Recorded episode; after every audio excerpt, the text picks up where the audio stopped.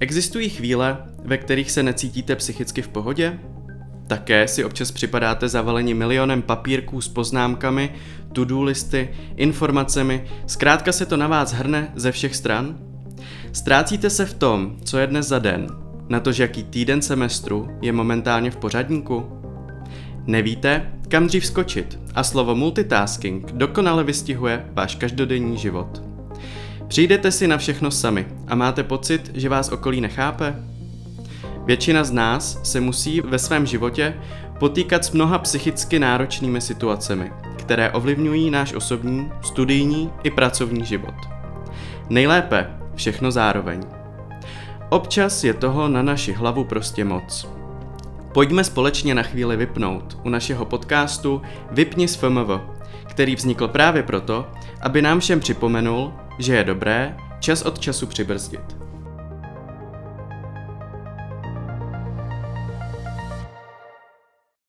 Vítejte u prvního dílu speciální série podcastů Vypni s FMV. Cílem naší speciální série je vám, posluchačům, poskytnout pomocnou ruku. Ať už se nacházíte v jakékoliv životní situaci či stavu nepohody, nejste v tom sami. Připravili jsme si pro vás řadu rozhovorů s odborníky v oblasti duševního zdraví a wellbeingu. Těšit se můžete i na mnoho praktických rad a typů. Nyní mi dovolte přivítat naše dnešní hosty z Akademické psychologické poradny VŠE v Praze. Paní docentku Evu Jarošovou, dobrý den. Dobrý den. A společně s ní přijala naše pozvání i paní docentka Daniela Pauknerová. Dobrý den. Dobrý den.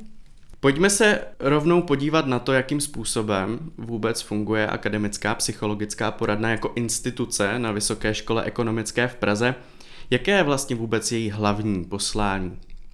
Posláním akademické psychologické poradny je být podporou studentům, doktorandům i akademikům při řešení jejich studijních, profesních i osobních potíží.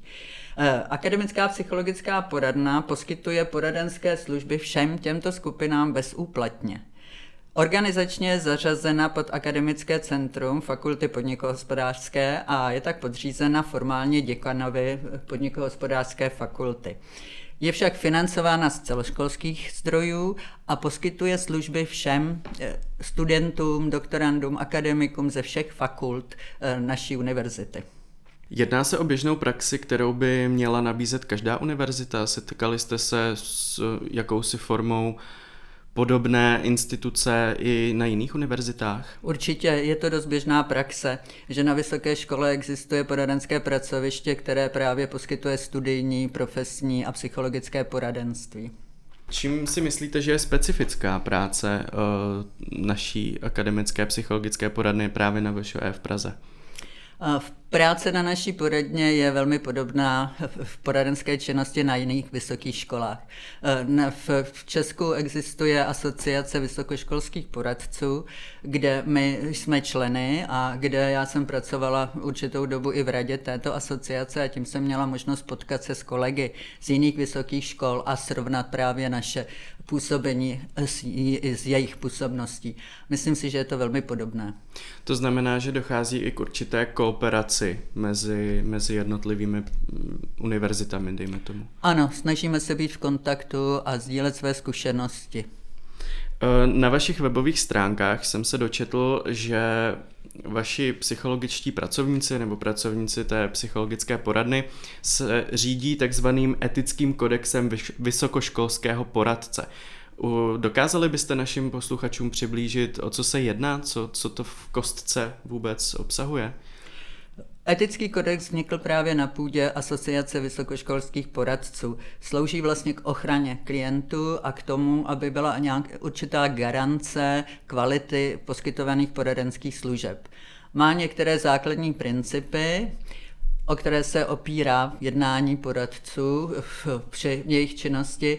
Z pohledu klientů bych asi zdůraznila eh, princip diskrétnosti, který znamená, že poradce je zavázán mlčenlivostí. Cokoliv se v té poradně řekne, tak tam zůstává. A e, princip e, odbornosti, které, který zase říká, e, že poradce by neměl poskytovat žádné služby, ke kterým nemá odbornou kompetenci, což je v dnešní době hodně důležité. To znamená, že vaši pracovníci určitým způsobem jsou i vybíráni na základě nějakých odborných kompetencí a opravdu se jedná o lidi, kteří prošli psychologickým vzděláním. Přesně tak.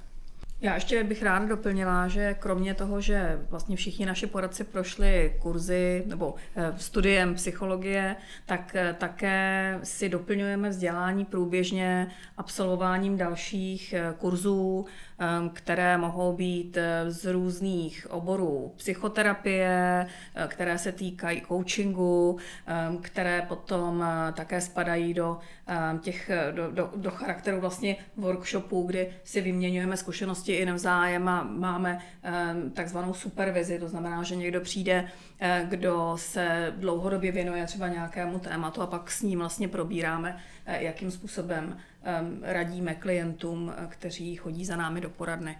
Takže je to nejenom o tom vzdělávání, které proběhlo, ale i o tom vzdělávání, které v současnosti probíhá a bude nadále probíhat. Ještě by mě k tomu zajímala jedna doplňující otázka, když se bavíme teď obecně o, o akademické psychologické poradně. Jak jste zmínili, ona v podstatě působí přímo na fakultě podnikohospodářské. Garantujete předměty, například i celoškolsky volitelné, které by si potom mohli brát jak studenti fakulty podnikohospodářské, tak ale i studenti ostatních fakult? Já myslím, že tohle se děje ve velké míře. Je to o tom, že eh, vlastně většina těch eh, našich poradenských pracovnic je současně taky členkami katedry manažerské psychologie a sociologie a tak přirozeně jsme vlastně mhm. propojeny do pedagogického procesu. O konkrétních předmětech možná by řekla paní docentka více. Tak, eh, děkuji za slovo. Určitě mezi předměty, které bych ráda doporučila, které je možné si dát, tak patří management osobního rozvoje, ve kterém se věnujeme jak tématu eh, stresu, právě wellbeingu, toho, jak pracovat eh, preventivně, tak aby se člověk cítil dobře a vyhnul se možným psychickým problémům, tak se věnujeme takovému tématu, které pomáhá redukovat stres, jako je time management, dělají se tam praktické úkoly, věnujeme se ale takovým určitým trochu filozofičtějším záležitostem, které se týkají hodnotových orientací. No a kromě toho máme takový poměrně velmi oblíbený předmět dlouhodobě trénink sociálních a manažerských dovedností, který také spadá do podobné oblasti, který je velmi prakticky orientovaný a kde to je hodně o takovém tom, takové sebereflexi a náhledu eh, na sebe, což je, ten základ pro to, aby člověk eh, si dokázal ten zdravý životní styl a eh, vytvořit a aby dokázal co nejdéle vlastně v tom dobrém psychickém zdraví vytrvat. No a pak třeba takové specializované kurzy, jako je kurz mindfulness, kde se člověk může naučit eh, určitý specifický celý, je to specifický přístup, není to jenom jakoby technika, ale je to přístup, eh, jakým způsobem vnímat události ve svém životě, jak přistupovat eh, k relaxaci, takže je to relativně velmi komplexní program. Tak těch předmětů samozřejmě ještě více a určitě doporučuji se potom podívat na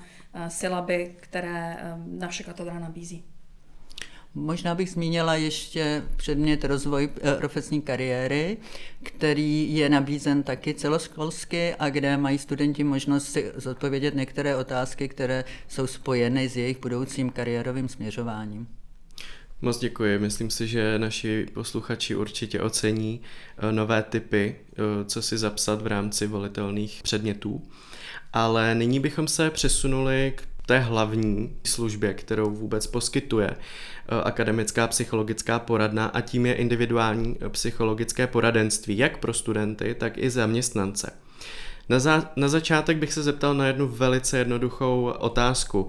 Je akademická psychologická poradna klinickým pracovištěm? Akademická psychologická poradna není klinickým pracovištěm, působí v rezortu školství. Klinická pracoviště psychologická jsou zpravidla spojena s rezortem zdravotnictví a zaměřují se na diagnostiku, prevenci a terapii duševních poruch a nemocí. Byla byste mi schopná říct i kolik působí na akademické psychologické poradně psychologů? Určitě v současné době má náš tým sedm psychologů, v tuto chvíli jsou to psycholožky a jak už zmiňovala eh, Daniela, tak jsou to lidé, kteří mají všechny vystudovanou psychologii plus nějaký výcvik, psychoterapeutický, poradenský, koučovací, nebo se dlouhodobě věnují právě otázkám mentálního zdraví. Nejsme na něco specializované, konkrétně eh, poskytujeme v tomto smyslu eh, služby eh, ve všech těch jmenovaných oblastech poradenství vysokoškolského. Výjimkou je poradenství pro studenty se specifickými potřebami, kterým se věnuje více jedna z našich kolegyň.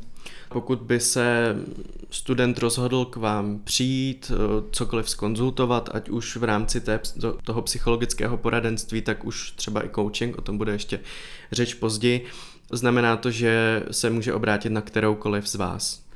Ano, určitě. Protože to vypadá tak, že máme vypsané hodiny, kde je to vypsané jmenovitě, takže víte vlastně ke komu jdete a myslím si, že jednou z výhod, z výhod naší psychologické poradny je to, že vlastně nevypadáte, že jdete do poradny, protože často se setkáváme s tím, že eh, stále lidé, kteří chodí k psychologovi nebo k psychiatrovi, tak eh, mohou být určitým způsobem stigmatizováni. Je to tak jako nepříjemná záležitost, lidé to prožívají negativně, protože mají pocit, pocit, že ostatní si budou myslet, že něco s nimi není v pořádku. A když jdete k nám do poradny, tak se tomuhle tomu vyhnete, protože v podstatě to vypadá, že jdete na konzultační hodiny eh, k někomu ze svých učitelů. Myslím, že tyhle postoje se mění, ale ne tak rychle, jako bychom si přáli. Tam bych navázal na to, co jste říkali, takovou hlavní otázkou. S čím chodí studenti do psychologické poradny nejčastěji? Asi nebudu mluvit o nejčastějších, ale o typických problémech.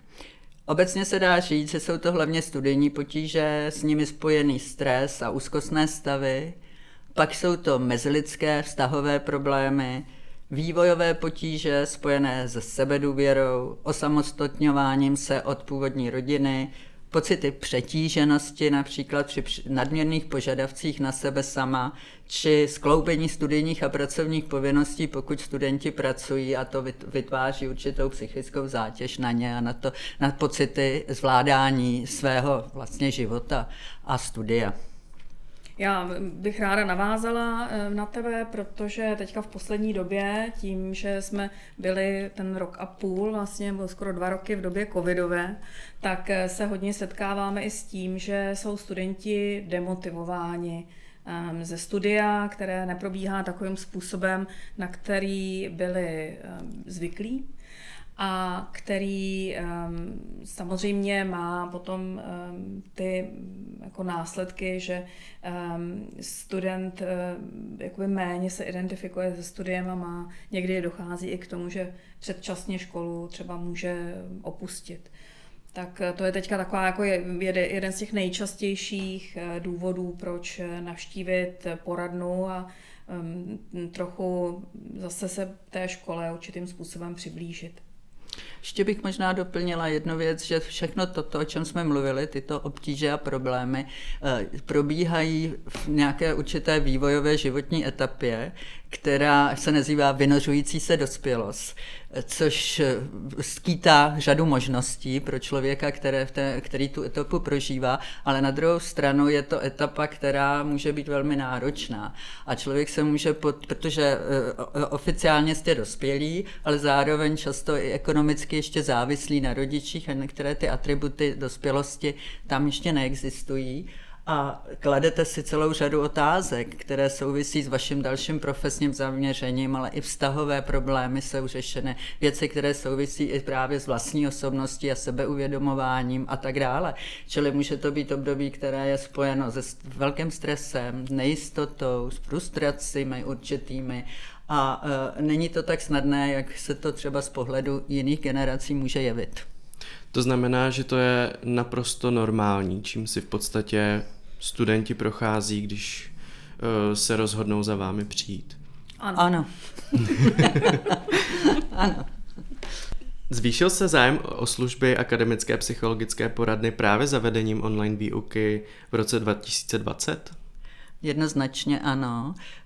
My jsme velmi rychle zareagovali na tu novou situaci a v podstatě snad od druhého týdne nebo od třetího týdne jsme nastavili možnosti online poradenství a nabízeli jsme tyto služby online a musím říct, že o ně byl velký zájem, že jsme dodávali i potom další teda termíny, které studenti obsadili. Takže bych řekla, že ano.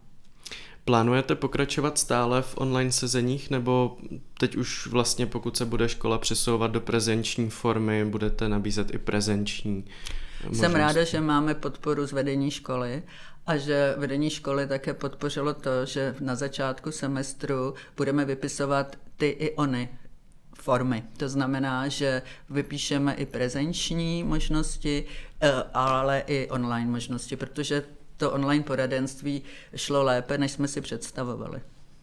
Dokonce mám pocit, že pro řadu lidí tam odpadla, odpadl ten stres eh, z toho, že musí vlastně jít k někomu fyzicky a je po ně příjemné um, strávit tu poradenskou hodinu vlastně v bezpečí svého domova a mít vlastně tu, um, osob, ten osobní kontakt eh, právě zprostředkovaný um, tou virtuální realitou nebo tím online uh, způsobem. A dokonce si myslím, že většina z nás má ty zpětné vazby od studentů, takže um, to bylo pro ně jakoby velmi příjemné takovýmhle způsobem vlastně to, to poradenství absolvovat. Byť jsme ze začátku měli pochybnosti, jestli to bude fungovat, ale musím říct, že se nám to opravdu osvědčilo a, a, a do budoucna určitě s tím budeme počítat jako s jednou z forem. Poradenství. Byla to i pro vás jakýmsi způsobem výzva naučit se pracovat s novými technologiemi, aby to opravdu fungovalo a splňovalo to veškeré eh, ty funkčnosti toho sezení a zároveň ale i se přizpůsobit například úplně novým typům problémů, se kterými se můžou potýkat studenti právě kvůli pocitu osamění, kvůli tomu, že jsou pořád doma. Přesně tak. Byla to určitým způsobem výzva, ale zase nám pomohlo to, že jsme zároveň i akademiky a máme nějaké eh, možnosti a eh, i potřeby, i eh, povinnosti pedagogické práce, takže i tam jsme se museli potýkat s technologiemi, takže jsme vlastně tu technologickou stránku zvládli. To, co říkáte, je samozřejmě pravdou, to znamená, že to přineslo právě hodně akcent na ty věci, které jsou spojené s tou sociální izolací, která se ukazuje, že byla pro studenty opravdu velmi eh, náročná. I v tom slova smyslu, že jak si ztratili svoje jako možnosti nejenom těch kontaktů, ale i porovnání s ostatními studenty, takže náhle nevěděli, jestli to, jak studují, jak se připravují, je dost, nebo je to málo. A to bylo spojeno taky s dalším právě nárůstem úzkostných stavů, které jsme u studentů zaznamenali v tom období. Také se to týkalo vlastně problematického způsobu, jakým získává, nebo jiného způsobu, jakým člověk získává informace. A e, samozřejmě řada z těch problémů, které souvisely s online výukou, e, souvisela i s tím, že ne všichni učitelé byli schopni se adaptovat rychle, takže nějakou dobu trvalo, než ten proces proběhl. Ne, vždycky se povedl naprosto optimálně, takže v řadě případů jsme se setkávali i s tím, že studenti měli problém s tím, že neměli dost informací, nebo ty informace byly kusé, nebo byly mylné. V každém předmětu se také pracovalo jiným způsobem, takže to byl takový další způsob, další zdroj eh, napětí. A pak eh, můžeme mluvit i o tom, že jsme se setkali s takovým tím efektem, eh, jsem viděla to označení Zoom fatigue, že člověk vlastně tráví většinu toho dne tím, že komunikuje eh, přes eh, ten monitor a není to pro něj úplně přirozený způsob komunikace. Navíc je tam takový ten efekt, eh, že vlastně pozorujete i sami sebe při tom, když mluvíte. A teď se setkává řada lidí s tím, že má problémy, že vlastně je, zne, je to znejistilo pro tu běžnou komunikaci, kde se vlastně nemají možnost vidět a kde tahle ta možnost té reflexe uh, tam schází. Takže ten nepřirozený způsob komunikace byl dalším zdrojem stresu a um, myslím si, že to ještě neskončilo úplně a že ještě se budeme chvilku potýkat s těmi problémy, které budou v tomto směru dobíhat. Asi nikdo z nás nečekal, že bude ta online výuka probíhat tak dlouhou dobu, že naopak, i když potom už technicky bylo zvládnuto téměř všechno, nebo alespoň takový pocit jsem z toho měl při, při své výuce už v dalších semestrech, ale naopak potom asi pořád vám mohli nějakým způsobem růst i ty počty těch lidí, kteří zase přicházeli i s novými problémy, stále to nebylo úplně v pořádku.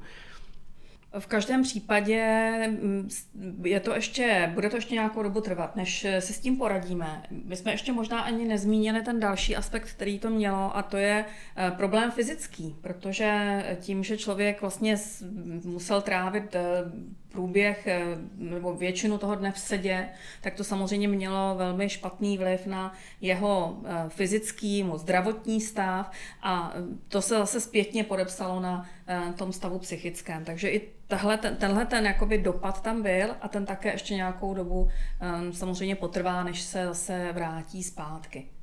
Jak častá jsou sezení se studenty, kteří o ně projeví zájem? Záleží na typu problému, se kterým se na nás student obrací. Může to být jednorázové setkání, ale můžou to být setkání i opakovaná. Při tom prvním setkání eh, z pravidla dochází k tomu, čemu se říká mapování problému, to znamená, necháváme co největší eh, jaksi prostor pro toho příchozího, aby nás seznámil s tím, co trápí, s čím přichází a jakou pomoc vlastně očekává. Eh, zároveň je možné už se na něco při tom prvním sezení podívat hlouběji, tak aby ten příchozí měl trošku příležitost okusit, jak vypadá psychologická práce.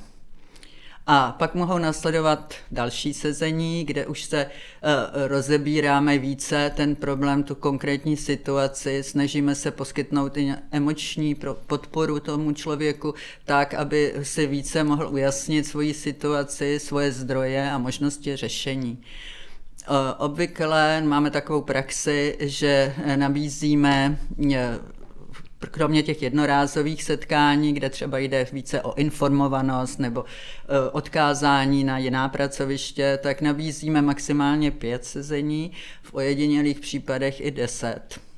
A pokud se jedná o něco, co vyžaduje dlouhodobější e, psychologickou práci, tak potom odkazujeme na jiná odborná psychologická pracoviště. V jaké chvíli pozná student, že potřebuje odbornou pomoc? Proč by se neměl bát si o ní říct? Tak můžeme říct, že vždy, když se nedokáže poradit sám, a týká se to v tomto případě problémů, které souvisí s jeho psychickým zdravím, s komunikačními problémy, s problémy, které se týkají vztahové oblasti, Um, ty, které už tady vlastně byly zmíněny, že patří mezi ty takové typické problémy, se kterými um, se studenti setkávají. Um, bohužel se stále setkáváme s tím, že lidé mají tendenci ty věci řešit sami nejprve, pak v tom okolí, to znamená, že do toho zapojí své kamarády, příbuzné, rodinu a tam ne vždy se setkají s řešením, které je odborně správně a které vlastně může vést i k tomu, že ty problémy buď se trvávají, nebo se někde i prohlubují.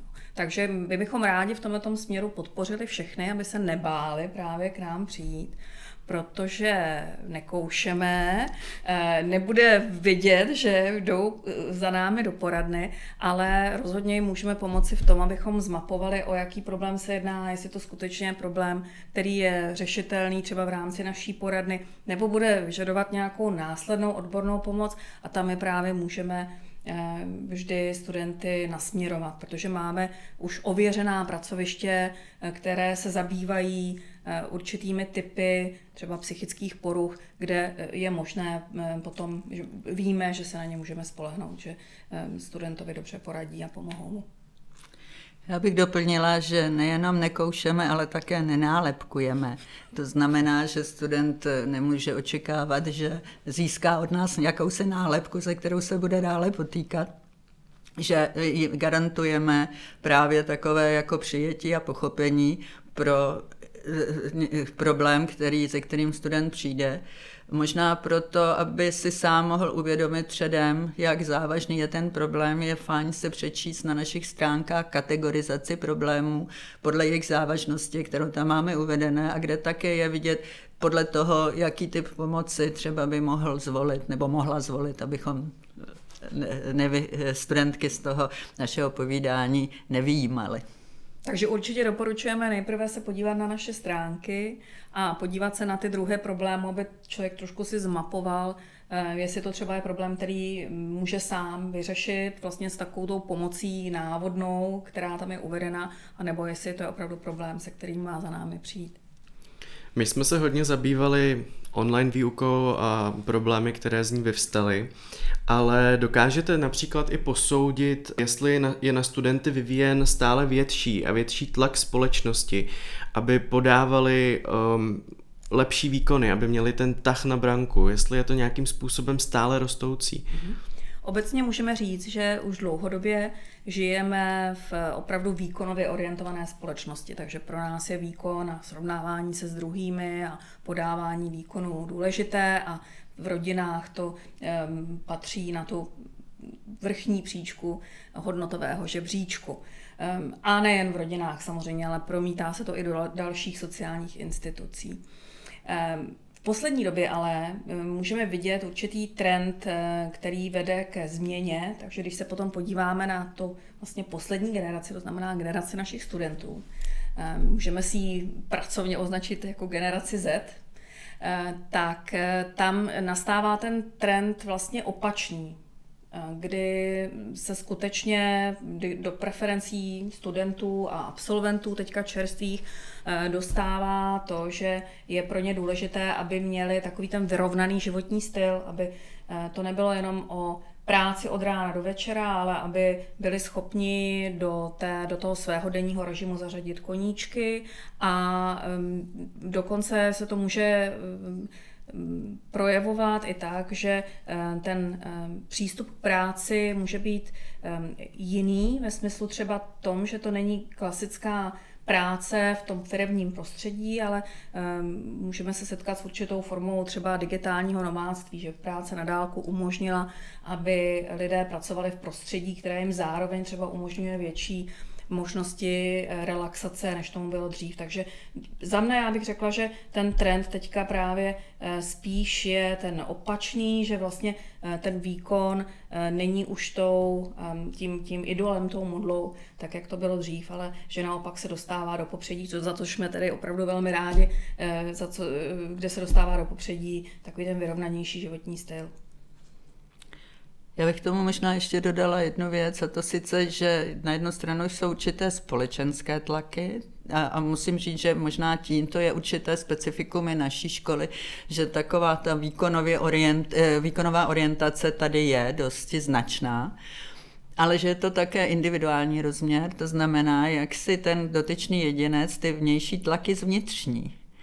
Samozřejmě záleží na, i na způsobu výchovy, to znamená, když někdo pochází z prostředí, kde právě hodnota těch členů rodiny se odvíjela od jejich výkonových úspěchů, tak pak je těžké neklást na sebe nějaké zvýšené nároky, dokonce až extrémní nároky eh, eh, právě v té oblasti výkonu ale zase je tady prostor pro práci na sobě, pro nějaký osobnostní růst, aby právě člověk si to v tom období vysokoškolském, kde těch možností, do čeho se může pustit, je skutečně eh, až eh, možnosti jsou až nadlimitní a překračují možnosti jednoho člověka, tak aby si to sám v sobě uspořádal a právě nastavil si nějaký zdravý životní styl, nebo aspoň jeho základy. Jak moc si myslíte, že je téma vyhoření aktuální pro věkovou skupinu, řekněme těch 19 až 26 let, pokud bych to měl opravdu vzkázat na ty naše studenty? Tady bych chtěla upozornit na to, že pojem vyhoření se dneska používá poměrně v různých souvislostech, až možná nadměrně. Je to takové jako dneska populární slovo. Ale když bychom se potom podívali na vlastně klasický syndrom vyhoření, tak jak ho definovala Kristýna Maslachová, který um, se projevuje nejen tím, že člověk eh, vyčerpá takové ty vnitřní zdroje energetické a je emocionálně vyšťavený, ale zároveň um, se tam projeví i určitý cynismus, takové jako mm, zatvrdnutí člověka ve vztahu k lidem, se kterými spolupracuje, eh, problém v komunikaci vlastně s mm, těmi, kteří ho obklopují v práci, tak s tím se úplně v této takové té extrémní podobě toho vyhoření nesetkáváme u studentů. Často mm, ale se setkáváme s tím, že studenti mají určitým způsobem nakročeno k tomu vyhoření. Právě spíš ve smyslu vyčerpání těch rezerv. Protože skutečně studium, které je velmi často kombinované u našich studentů s prací, tak ehm, na ně klade mm, zvýšené nároky. Eh, to znamená, že skutečně se mají eh, studenti tendenci přetěžovat a potom vlastně se dostávají do dlouhodobého stresu, který ve svém důsledku může k tomu vyhoření vést. Akorát, že eh, to trvá ehm, nějakou dobu, nějakých třeba ehm, několik let nebo několik, v některém případě několik desítek let a většinou to naši studenti bohu díky ještě nestihnou, aby nám vyhořeli v průběhu studia.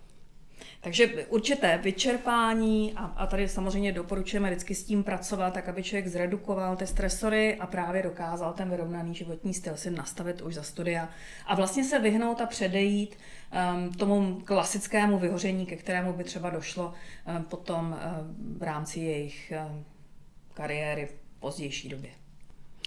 To mě přivádí ještě na otázku, Obrací se na vás také zaměstnanci Vysoké školy ekonomické? Mají tu možnost si za vámi přijít, eh, nechci říct popovídat, ale je to tak, opravdu přijít s nějakým problémem, eh, snažit se ho nějak řešit? Ano, obrací se na nás a eh, my jim nabízíme poradenské služby ve stejném rozsahu jako studentům. Týkají se vaše služby také studentů ze zahraničí?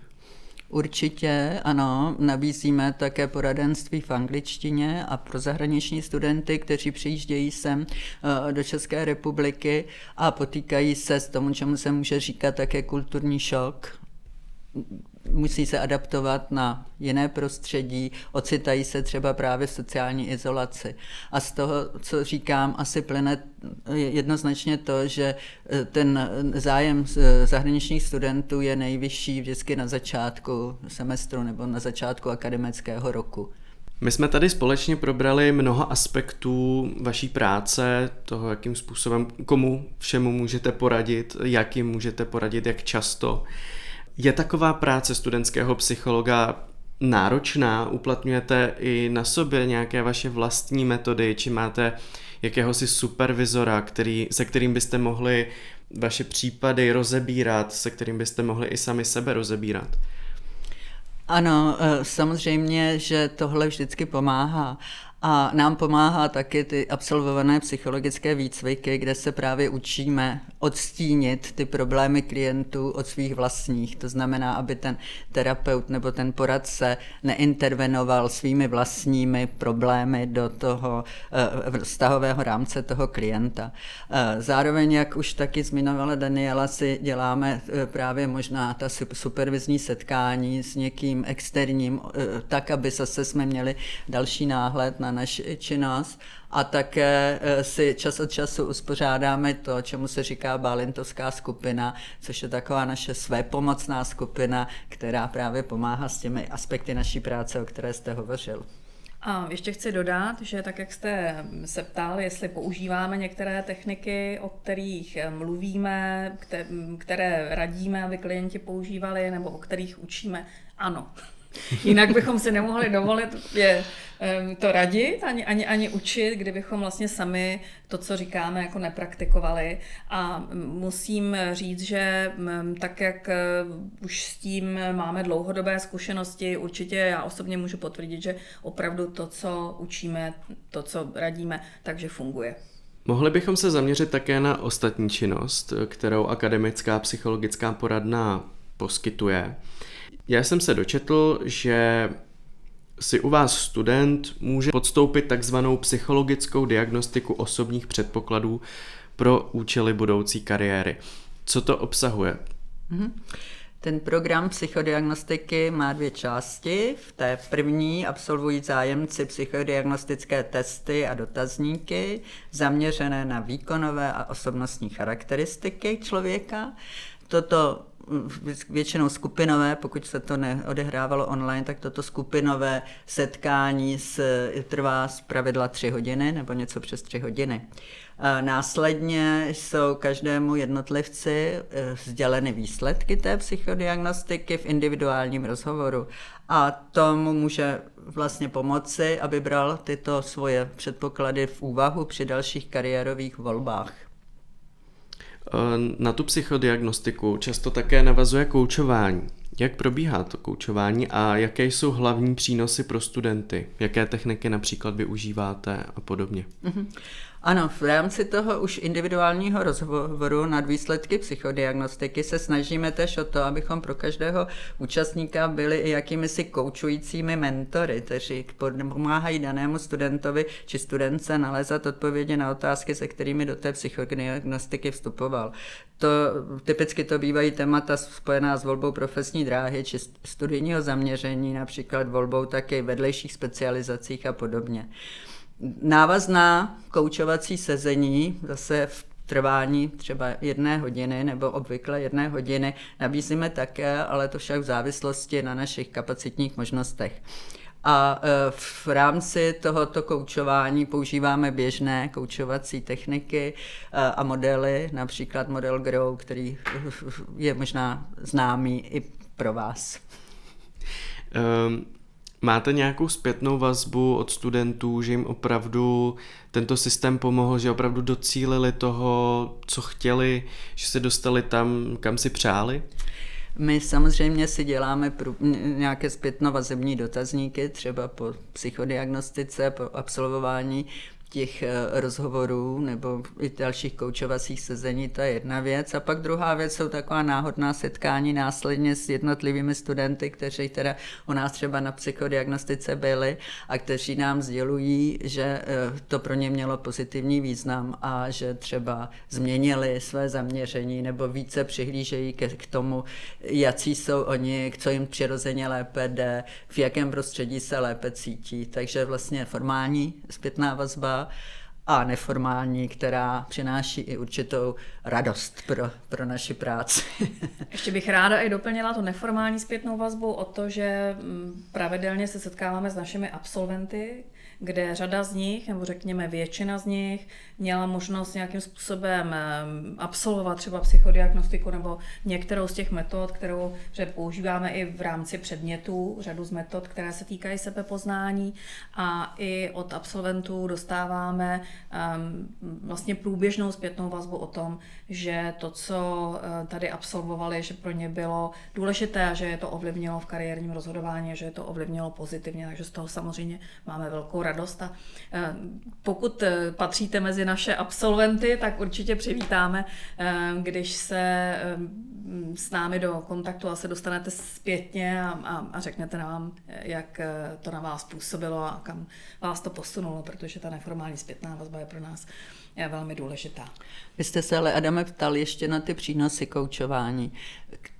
Myslím si, že e, není cílem jakého, jakékoliv intervence poradenské nebo rozvojové, mezi které koučování také patří, aby se ten e, člověk stal závislým na nějaké vnější pomoci, ale naopak, aby si dokázal pomoci sám a e, například při tom koučování se naučí e, určité techniky, které potom může použít i pro sebe koučování, tak, aby dokázal lépe pracovat se svými zdroji, se svými možnostmi, stanovovat si cíle a hlavně stanovovat si postupné kroky k těm jednotlivým cílům, tak, aby viděl, že se jedná zpravidla o proces a nikoliv o nějaké jednorázový akt v něčem, který ho e, posune.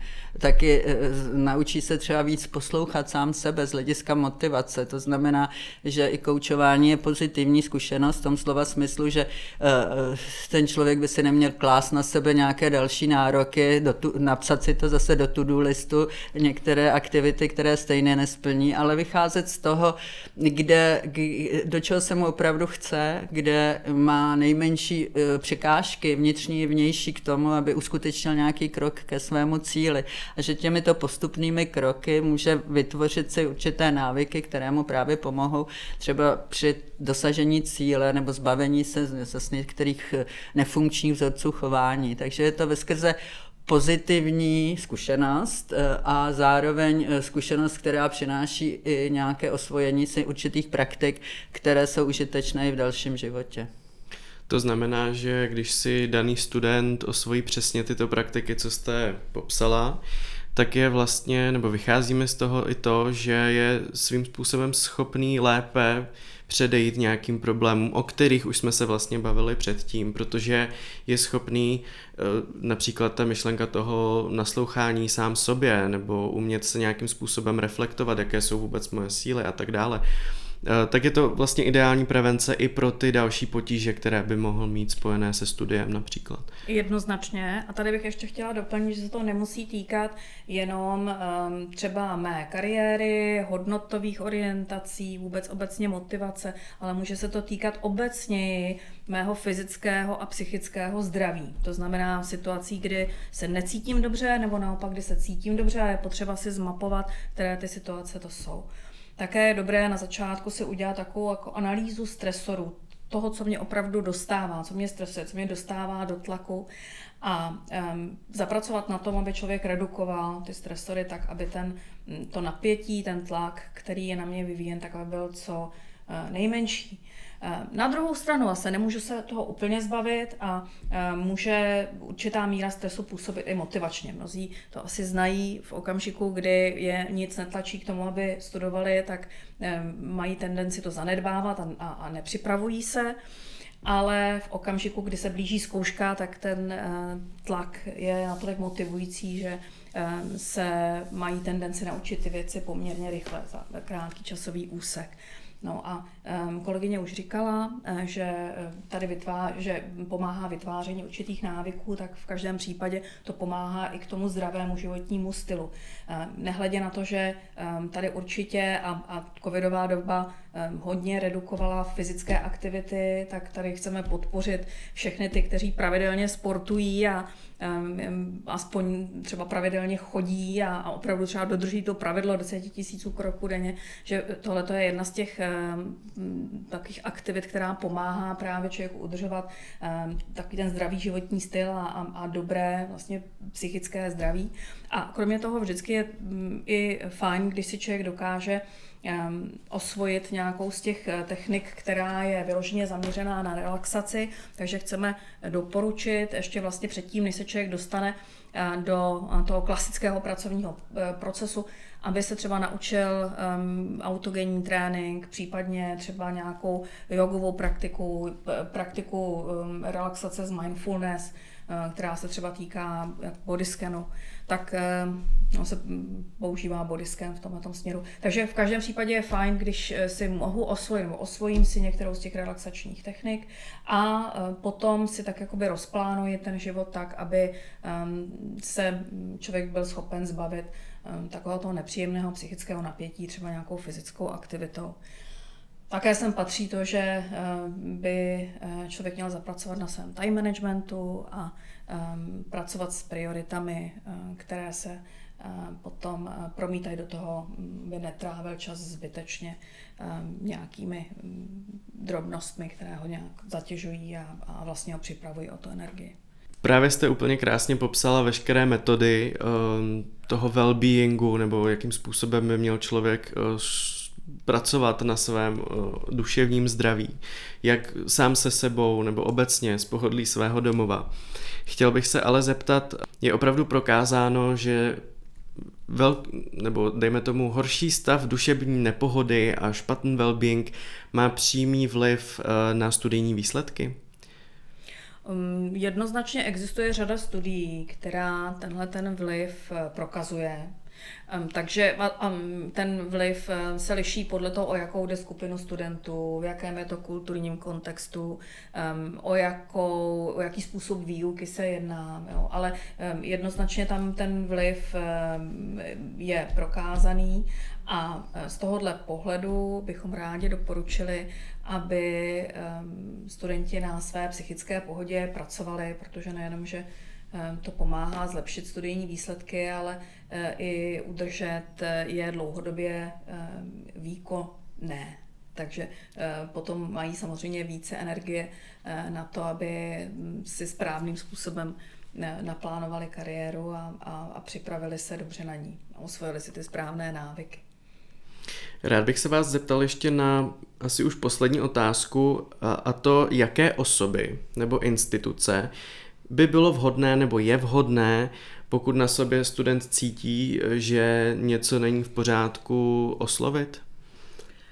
Tady velmi záleží na typu problému, se kterými se ten dotyčný student potýká. E, pokud je to něco naléhavého, například až sebevražedné myšlenky, které mohou člověka ohrožovat skutečně na životě, je třeba kontaktovat co nejle, nejdříve krizové centrum nebo linky bezpečí, kde je možné se domoci pomoci 24 hodin denně.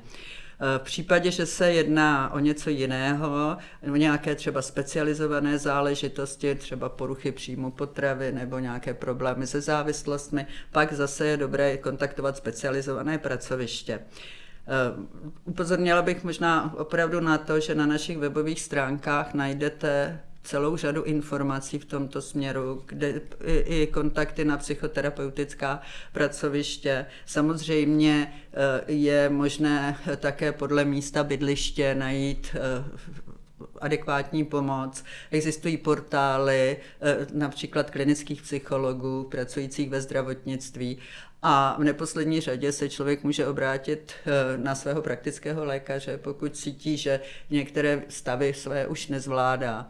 No a pokud to není nic takto dramatického, tak je tady akademická psychologická poradna, kde eh, se můžeme právě zabývat o celým dalším okruhem problémů, které jsme tady v průběhu našeho rozhovoru naznačili.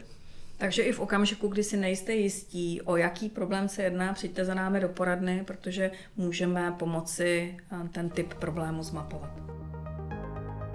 Dostáváme se na závěr dnešního dílu, ve kterém zaznělo mnoho užitečných rad a informací.